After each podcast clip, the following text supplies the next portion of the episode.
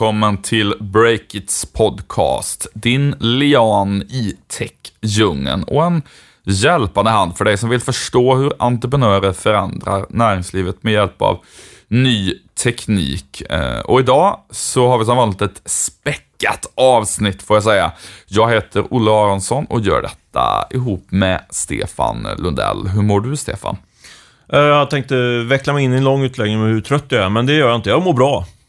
Härligt, får se om du hinner eh, träna på lunchen som är din plan här idag. Eh, kan bli en för lång poddinspelning för det. Du, eh, eh den här veckan så eh, kollar vi närmare på den glödheta sektorn för matleveranser. Är det bäddat för blodbad där eller kommer det gå bra?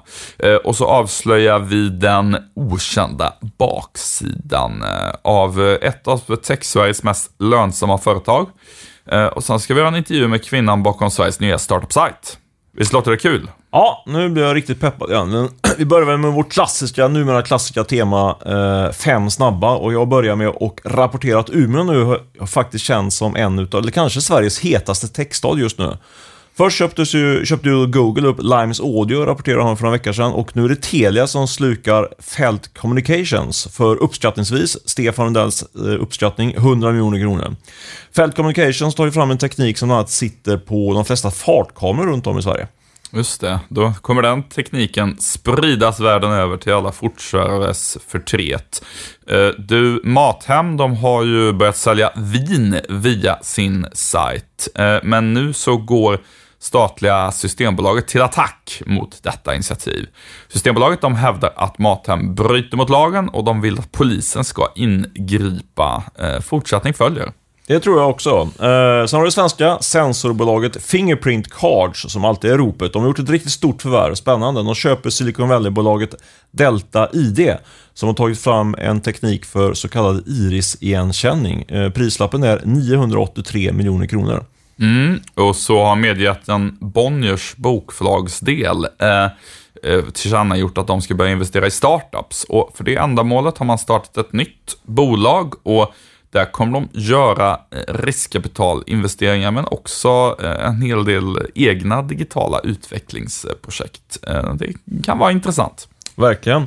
Marknadsplatsen Budbee som knyter ihop distributionsfirmor med bolag som ska leverera varor till kunder har också fått in en hel hög riskkapital och även med de pengarna in också eh, en väldigt känd ägarskara får de nu eh, som kommer hänga med dem. Det är bland annat H&M's VD Carl-Johan Persson, det är Klarnas grundare Sebastian Siemiatkowski och Qliros före VD Paul Fischbein som investerar. Tillsammans går de in med sammanlagt eh, 29 miljoner kronor och det här var en nyhet som våra goda vänner på D-digital var först om att rapportera.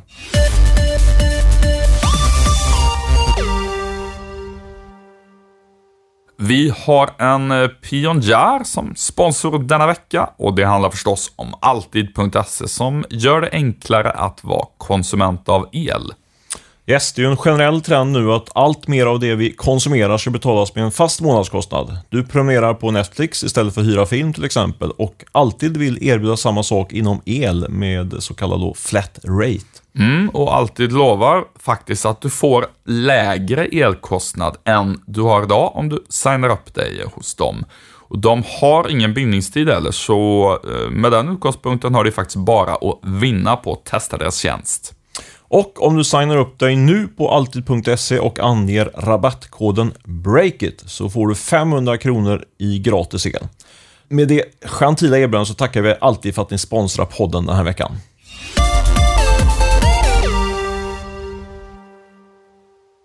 Det har gjorts en rad stora affärer i den svenska techsektorn den senaste tiden som vi har rapporterat om. Och eh, för inte så länge sedan skrev vi om marknadsplatsen Servicefunder som eh, Schibsted köpte upp. Och eh, nu har vår kollega Erik Wisterberg tittat lite närmare på vad Schibsted faktiskt har köpt av någonting.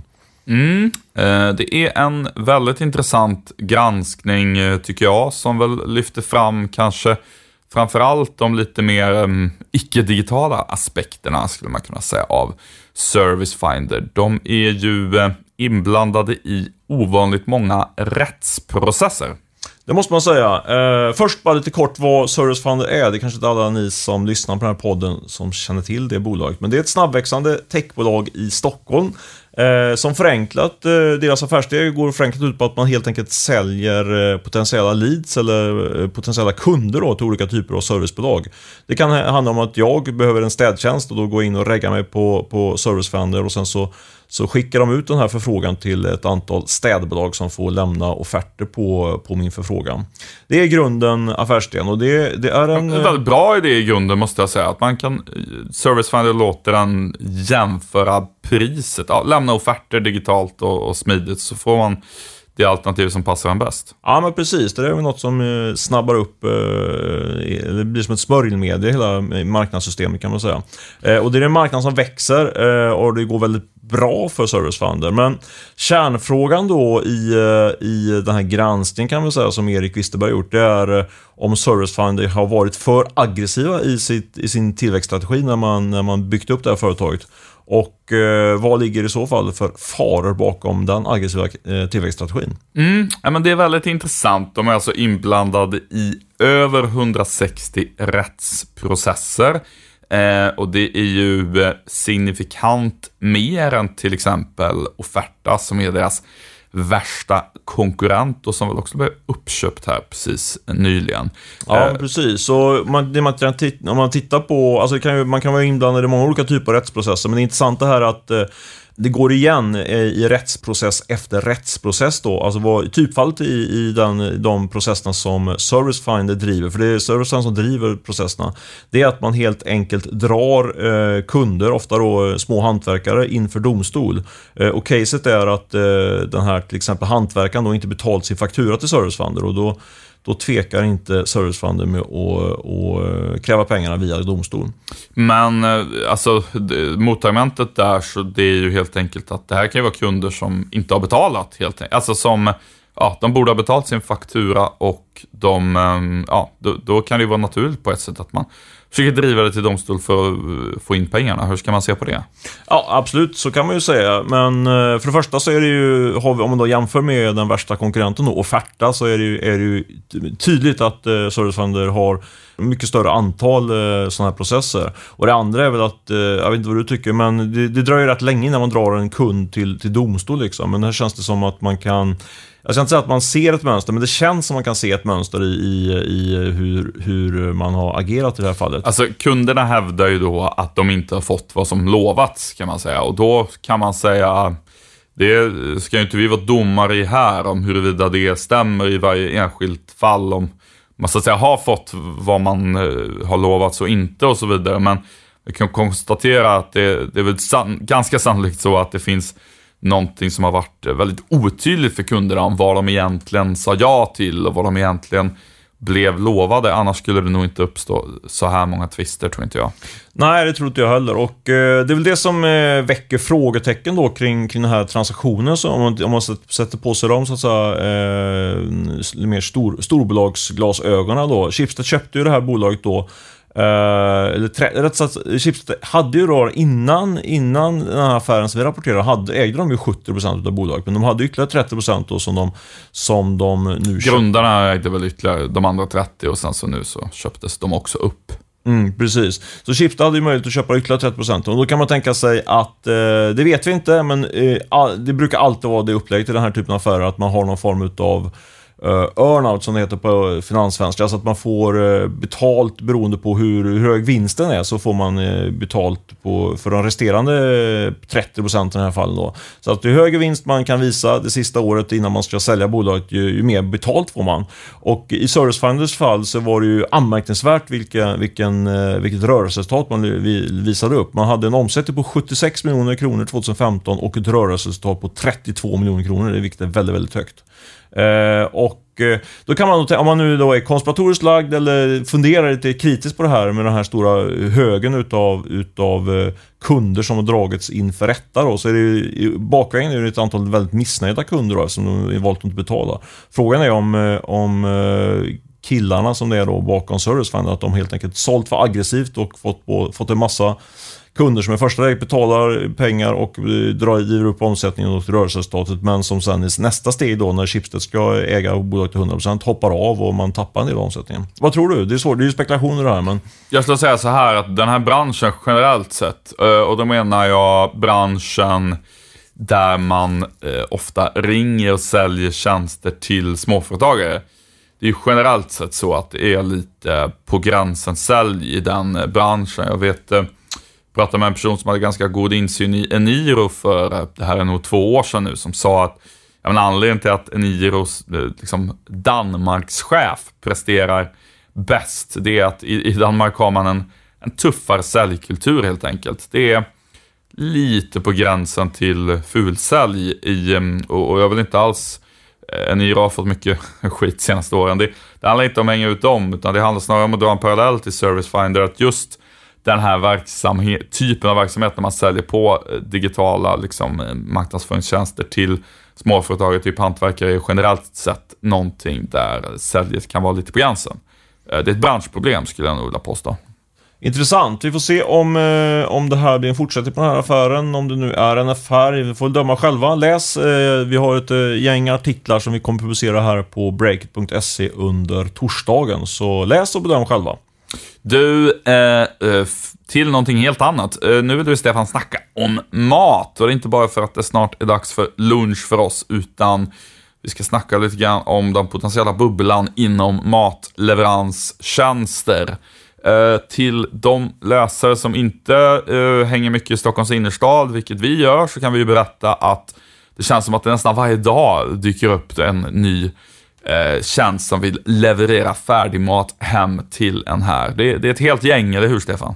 Ja, absolut. Och man ser de här cyklar, cyklar runt på gatorna med sina stora eh, ryggsäckar med mat på. Jag har faktiskt inte aldrig beställt någon, för jag bor ju utan, jag bor i den södra förorten brukar jag säga, eh, vilket är helt sant också. Så jag har inte tillgång till de här, till de här tjänsterna. Men, eh, nej, men jag tycker att det kan vara värt att lyfta. Det var en grov hårdvinkling att det dyker upp en varje dag. Men det finns nu, eh, vi skriver på sajten idag på onsdagen, eh, att eh, det kommit en ny aktör som heter Hungrig. Men sen tidigare finns det då tre ganska stora, tunga, eller väldigt stora tunga aktörer som fått in mycket riskkapital. Det är dels Volt, och sen är det Fodora och sen är det Uber Eats då som de heter, va? eller hur? Yes. Uh, och min tes är det här att det är väl i alla fall en eller kanske till och med två för många för en stad som Stockholm. Vi känner, vi känner ju att vi bor i, ett, i, i världens centrum här i Stockholm, men så, stora, så stort är det inte här än trots allt. Så jag tror att marknaden uh, helt enkelt inte kommer ha plats för så här stora och så många aktörer. Varför tror du inte det?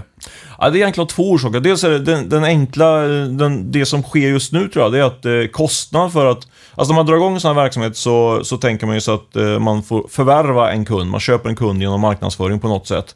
Eh, och sen så har man förhoppningsvis, sköter man sig så bra så att kunden stannar kvar och till sist så börjar den generera ett överskott. Eh, och nu har ju då antalet konkurrenter om de här kunderna ökat med typ 100% på bara ett par veckor. Så det är mycket dyrare att köpa en sån här eh, kund och det tar mycket längre tid att få tillbaka pengarna för en ny kund. Eh, så jag tror att kalkylen har förändrats rätt dramatiskt och jag tror ganska många av de här kalkylerna också har gjorts på basis av hur det ser ut i London och Berlin eller Amsterdam, de här stora, stora, riktigt, riktigt stora städerna. Och där, där går det att få en helt annan skala på den här verksamheten. Men det, på, det som är ett längre, på lite längre sikt ett större hot tror jag, det är att man konkurrerar på ett sätt med sina egna kunder, alltså restaurangerna. Eh, just det, först, nu i det här läget så, så tas ju de här aktörerna tror jag emot med, med öppna armar från restaurangägarna. För det blir, de slussar in nya kunder helt enkelt till, till deras verksamhet. Men baksidan är att man tar ungefär en 15-20% i provisions eller förmedlingsavgift till de här kunderna. Eh, och på sikt så tror jag att eh, fler och fler restauranger kommer eh, fråga sig varför man ska ge bort den delen av intäkten. Eh. Den där, det där finns ju alltid i den klassiska eh, debatten liksom mellan ja, ett säljbolag och eh, den som säljbolaget jobbar åt och så vidare. På sikt ska man inte ta in det där och göra det inhouse. Å andra sidan, det kan vara ganska mycket jobb. Man ska sätta upp en egen teknikplattform. Man ska rekrytera egna, egna bud och sådär. Varför tror du att det i eh, den här branschen kommer bli så att fler restauranger vill liksom insourca den tjänsten igen? Ja, men det är ju bra att lyfta den frågan. Det är klart, så man kan ju alltid ta det argumentet varför man måste slänga bort pengar till, på, till provision till säljare. Det funderar vi också på, fast vi landar ju absolut att vi har ett stort behov av vårt säljbolag och kommer jobba långsiktigt med dem. Uh, men uh, jag tror att uh, om man tittar på lite större aktörer, om man, tittar, om man gör en liknelse med, med mediebolag då, så har ju större mediebolag, de har ju sina egna säljorganisationer. Eh, jämfört med då mindre bolag som vi. Eh, och tittar man på stora, stora aktörer på den stockholmska marknaden i restaurangsektorn då, så där, där har de inte, utan där, där kör de via de här eh, sajterna eh, som är en form av mellanhand. Och jag tror att stora aktörer som till exempel de F12 och eh, Stureplansgruppen och Svenska Brasseriet tror jag de heter, som äger Rish och kompani och Sturehof. Eh, de har ju potential för att skapa egna appar eller ta hjälp av andra som skapar egna appar och, Just det. runda. Och även kanske kedjor som inte är lika liksom, premium, typ Pinchos i Göteborg och sådär. De som finns på flera ställen så att säga. Eller ja, eller McDonalds för den delen. Ja, men absolut. absolut. Så det, ja, det är väl egentligen ett bättre exempel än de som är riktigt stora. Ja, det är ordervärdena är inte lika höga där, så det kan vara svårt att få det att gå ihop så, om inte någon Fair. beställer mycket, men ändå. Ja, men jag, jag tror att du har väldigt rätt där. Jag, jag äh, tänker ju, jag försöker ju se det här på någon sorts övergripande teoretiskt plan för att se liksom, vad är det här i, i meningen, eh, ja, om man ska försöka liksom sälja in det här som ett case till en investerare, varför man, varför man då inte skulle investera i den här typen av bolag. Då skulle jag nog säga så här att det är väldigt svårt att se eh, den tydliga så kallade nätverkseffekten. Eh, det, ty det allra tydligaste exemplet på nätverkseffekt är ju liksom Facebook som, ja, det blir bättre och bättre att vara på Facebook ju fler av dina vänner som är där så att säga. Det förstärker sig själv hela tiden. I det här fallet så finns det ju liksom ingen särskild vinst för mig att använda Fodora varje gång och tjänsten blir liksom inte så mycket bättre för att alla använder den utan eh, jag har ju bara incitament för att ja, hoppa mellan de här olika tjänsterna för att eh, få någon sån här 100 kronor rabatt, 50 kronor rabatt och de är på många sätt ganska lika.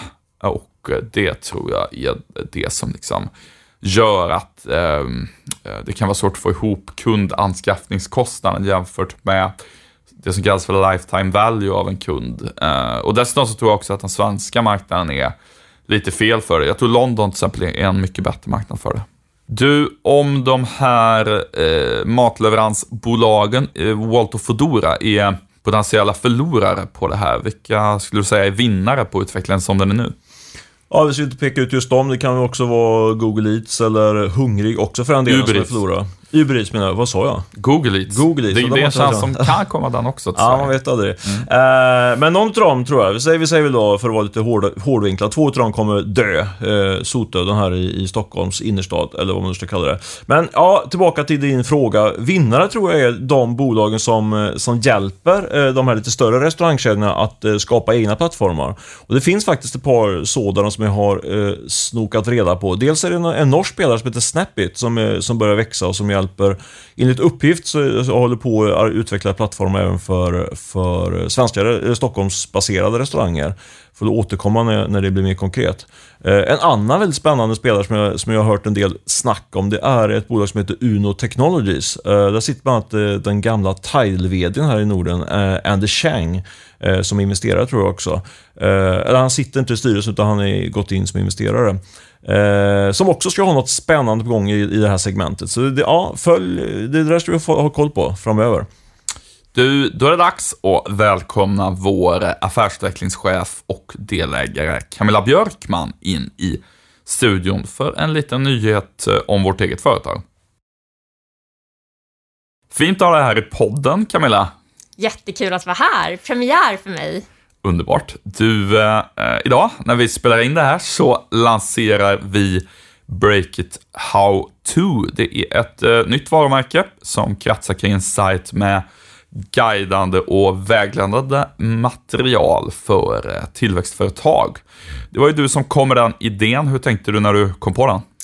Ja, för det första får jag säga att eh, ni har ju ända sedan start på Breakit dels jobbat lite med guidande material, men ändå haft som ambition att ni ska börja hjälpa startupbolag och tillväxtbolag i sin resa. Och eh, eh, vår tanke tillsammans var ju egentligen att eh, bara att paketera det här som ett tydligt varumärke och att eh, brassa på rejält. Så att från och med nu så kommer vi inte bara ha nyheter utan även eh, guider, eh, vi kommer lansera verktyg och eh, tips och råd till startups som vill dra igång eller växa.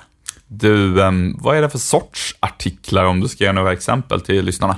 Ja, eh, det kan vara allt ifrån när man vill kicka igång en startup, hur man gör, eh, hur man tar de första stegen eller hittar ett bra startupnamn till hur, vi har en fantastisk guide om hur man gör en nyemission signerad Olle Aronsson, grundare av Breakit. Ja, Ehm, den, den är halvdan. och även en, en guide som Stefan Lundell har skrivit om hur man värderar en startup. Så att det kommer komma massor eh, av guider inom olika ämnen, från själva starten till eh, startups som då redan eh, är igång. Just det. Jag var inne själv och kollade på how to, liksom helheten på riktigt för första gången nu på morgonen. Det kändes eh, jäkligt matigt måste jag säga. Du, eh, eh, det finns ju en hel del andra dock, bland annat myndigheter som lägger ut en hel del eh, vägledande material för företag och så på internet. Hur tycker du att vi särskiljer oss från dem? Jag tycker att den största skillnaden som vi här på Breakit har märkt är ju att att eh, det saknas material och information till den här nya typen av tillväxtbolag.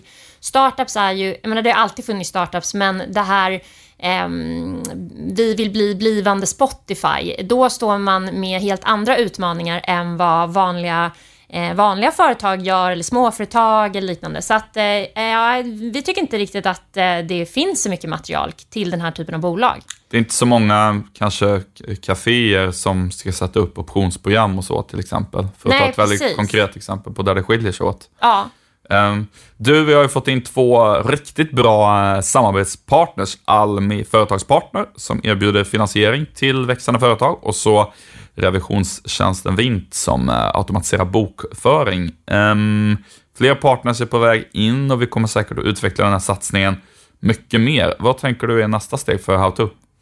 Nästa steg är att eh, vi rullar ut det här nu. Eh, det kommer bli eh, fullt pådrag med lansering eh, och... eh, Bara, bara minuter bort Ja, exakt. Ja. Eh, och sen kommer vi att uppdatera löpande varje vecka med guidande material och eh, verkligen utveckla den konsten. För det är, det är precis som att göra grymma nyheter, så är det ju verkligen en konst och ett hantverk att göra jättebra guidande material som inte bara känns så här, jaha, det här slängde man ihop på några sekunder, utan det ska kännas tungt och det, det kommer vi jobba stenhårt med och rulla ut det här och få med oss fler partners och eh, köra så det ryker. Det känns skitkul tycker jag. Du, hur ska vi fira idag då?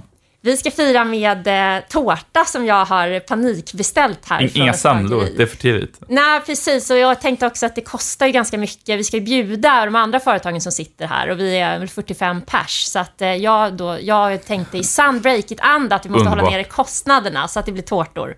Underbart. Du, eh, grymt. Vi, vi kör lite tårta då här efter podden, så, så hörs vi, vi hörs säkert mer av dig i podden framöver.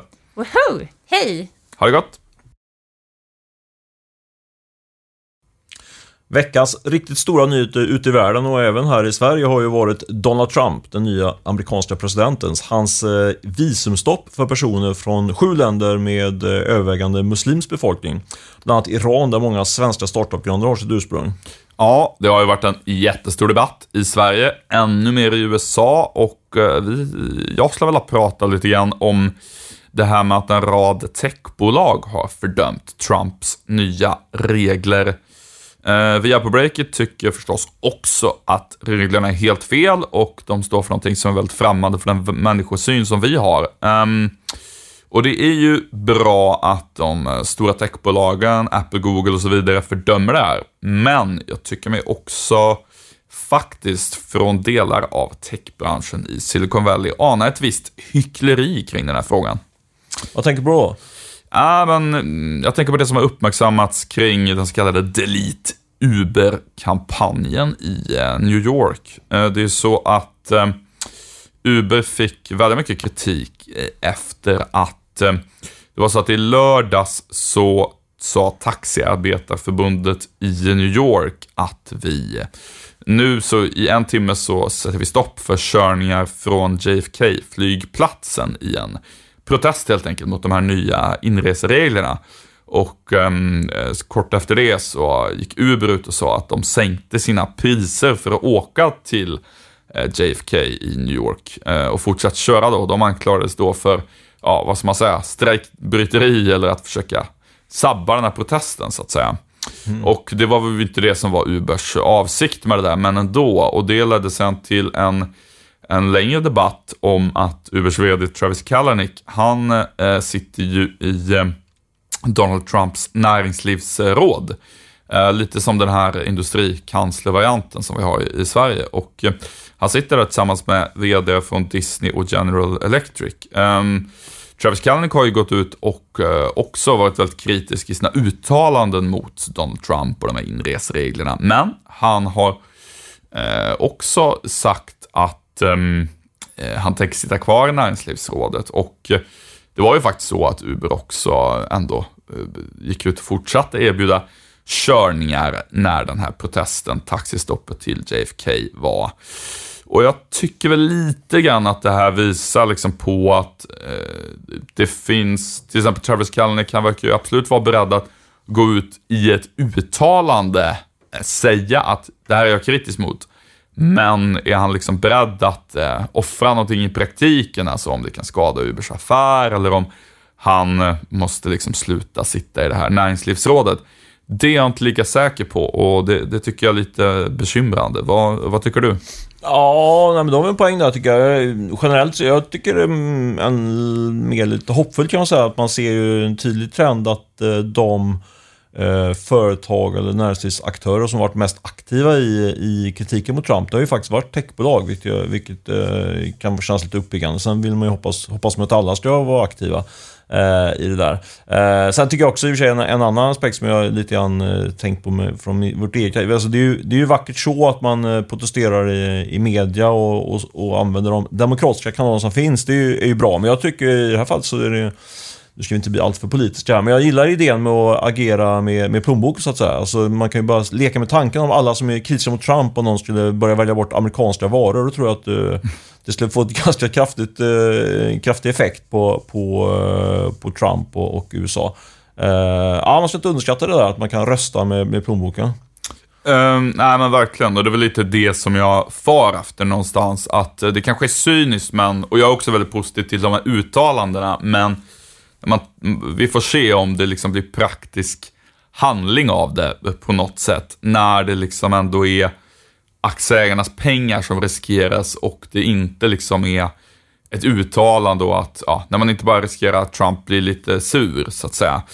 Ja, men det är intressant det där med den här, den här rädslan som sprids. För vi, vi skrev om det här i, eh, i helgen då, när det, när det så att säga briserade. Då ringde vi runt och pratade med ett antal eh, svenska eh, startup-entreprenörer med, eh, med no rötter eller medborgarskap i eh, Iran då. Eh, flera av dem ställde upp och pratade om det här öppet, men det fanns också sådana som, som sa att eh, ja, skriv gärna om det här, men jag vill, vill, inte själv figurera med namn. Det kan man ju tycka är, liksom är lite grann det är en bit ifrån så att säga. Breakit eh, har ju sin målgrupp här i Sverige, en bit, bit från USA och sådär. Men det finns ändå, det smyger in, det är lite otäckt tycker jag, att det smyger in sig sån här eh, rädsla för att man inte vill vill stöta alltså sig på något sätt. Man tar inga risker liksom sådär. Så det är ja, lite oroväckande utveckling generellt tycker jag i, i världen just nu. Ja, verkligen. Och um, Trump ska ju då tillsätta, om man inte har gjort det redan, en ny Konkurrensverket um, generaldirektör kan man säga, med svensk motsvarighet. Och det är klart att en sån kan ju komma och slå till hårdare mot till exempel Google och Amazon framöver. Och uh, Ja, jag förstår att det är en tuff situation, men jag hoppas verkligen att eh, bolagen eh, så att säga, tycker att det är värt att fortsätta protestera, även om det faktiskt kan eh, skada affären. Um, du, innan vi avslutar den här podden ska vi ta och puffa för Growth Academy. Det vore väldigt kul. Det tycker jag. Den 7 mars så kickar ju årets utbildningar igång igen som vi arrangerat tillsammans med reklamskolan Bergs. Och eh, de är ju faktiskt ett av Sveriges, tyng eller Sveriges tyngsta så här, utbildningsföretag inom just kommunikation och marknadsföring. Ja, men det är de absolut. Och surfa in på growthacademy.nu och ta reda på mer om våra kurser. De kan till exempel hjälpa dig med att arbeta mer datadrivet med tillväxt. Så, eh, så kan du få lära dig de metoder som duktiga techbolag använder för till exempel motivera sin personal eller att förstå hur man kan hitta nya affärsområden och så. Kolla upp det. Eh, och med det, detta lilla reklammeddelande så tackar Breakits podcast för sig den här veckan. Vi ska också tacka Beppo ljudproduktion som klipper det här avsnittet. Eh, och därmed säger i alla fall jag hej då. Har du något mer att säga Olle? Nej, jag tycker vi säger så. Ha det gott, så hörs vi nästa vecka.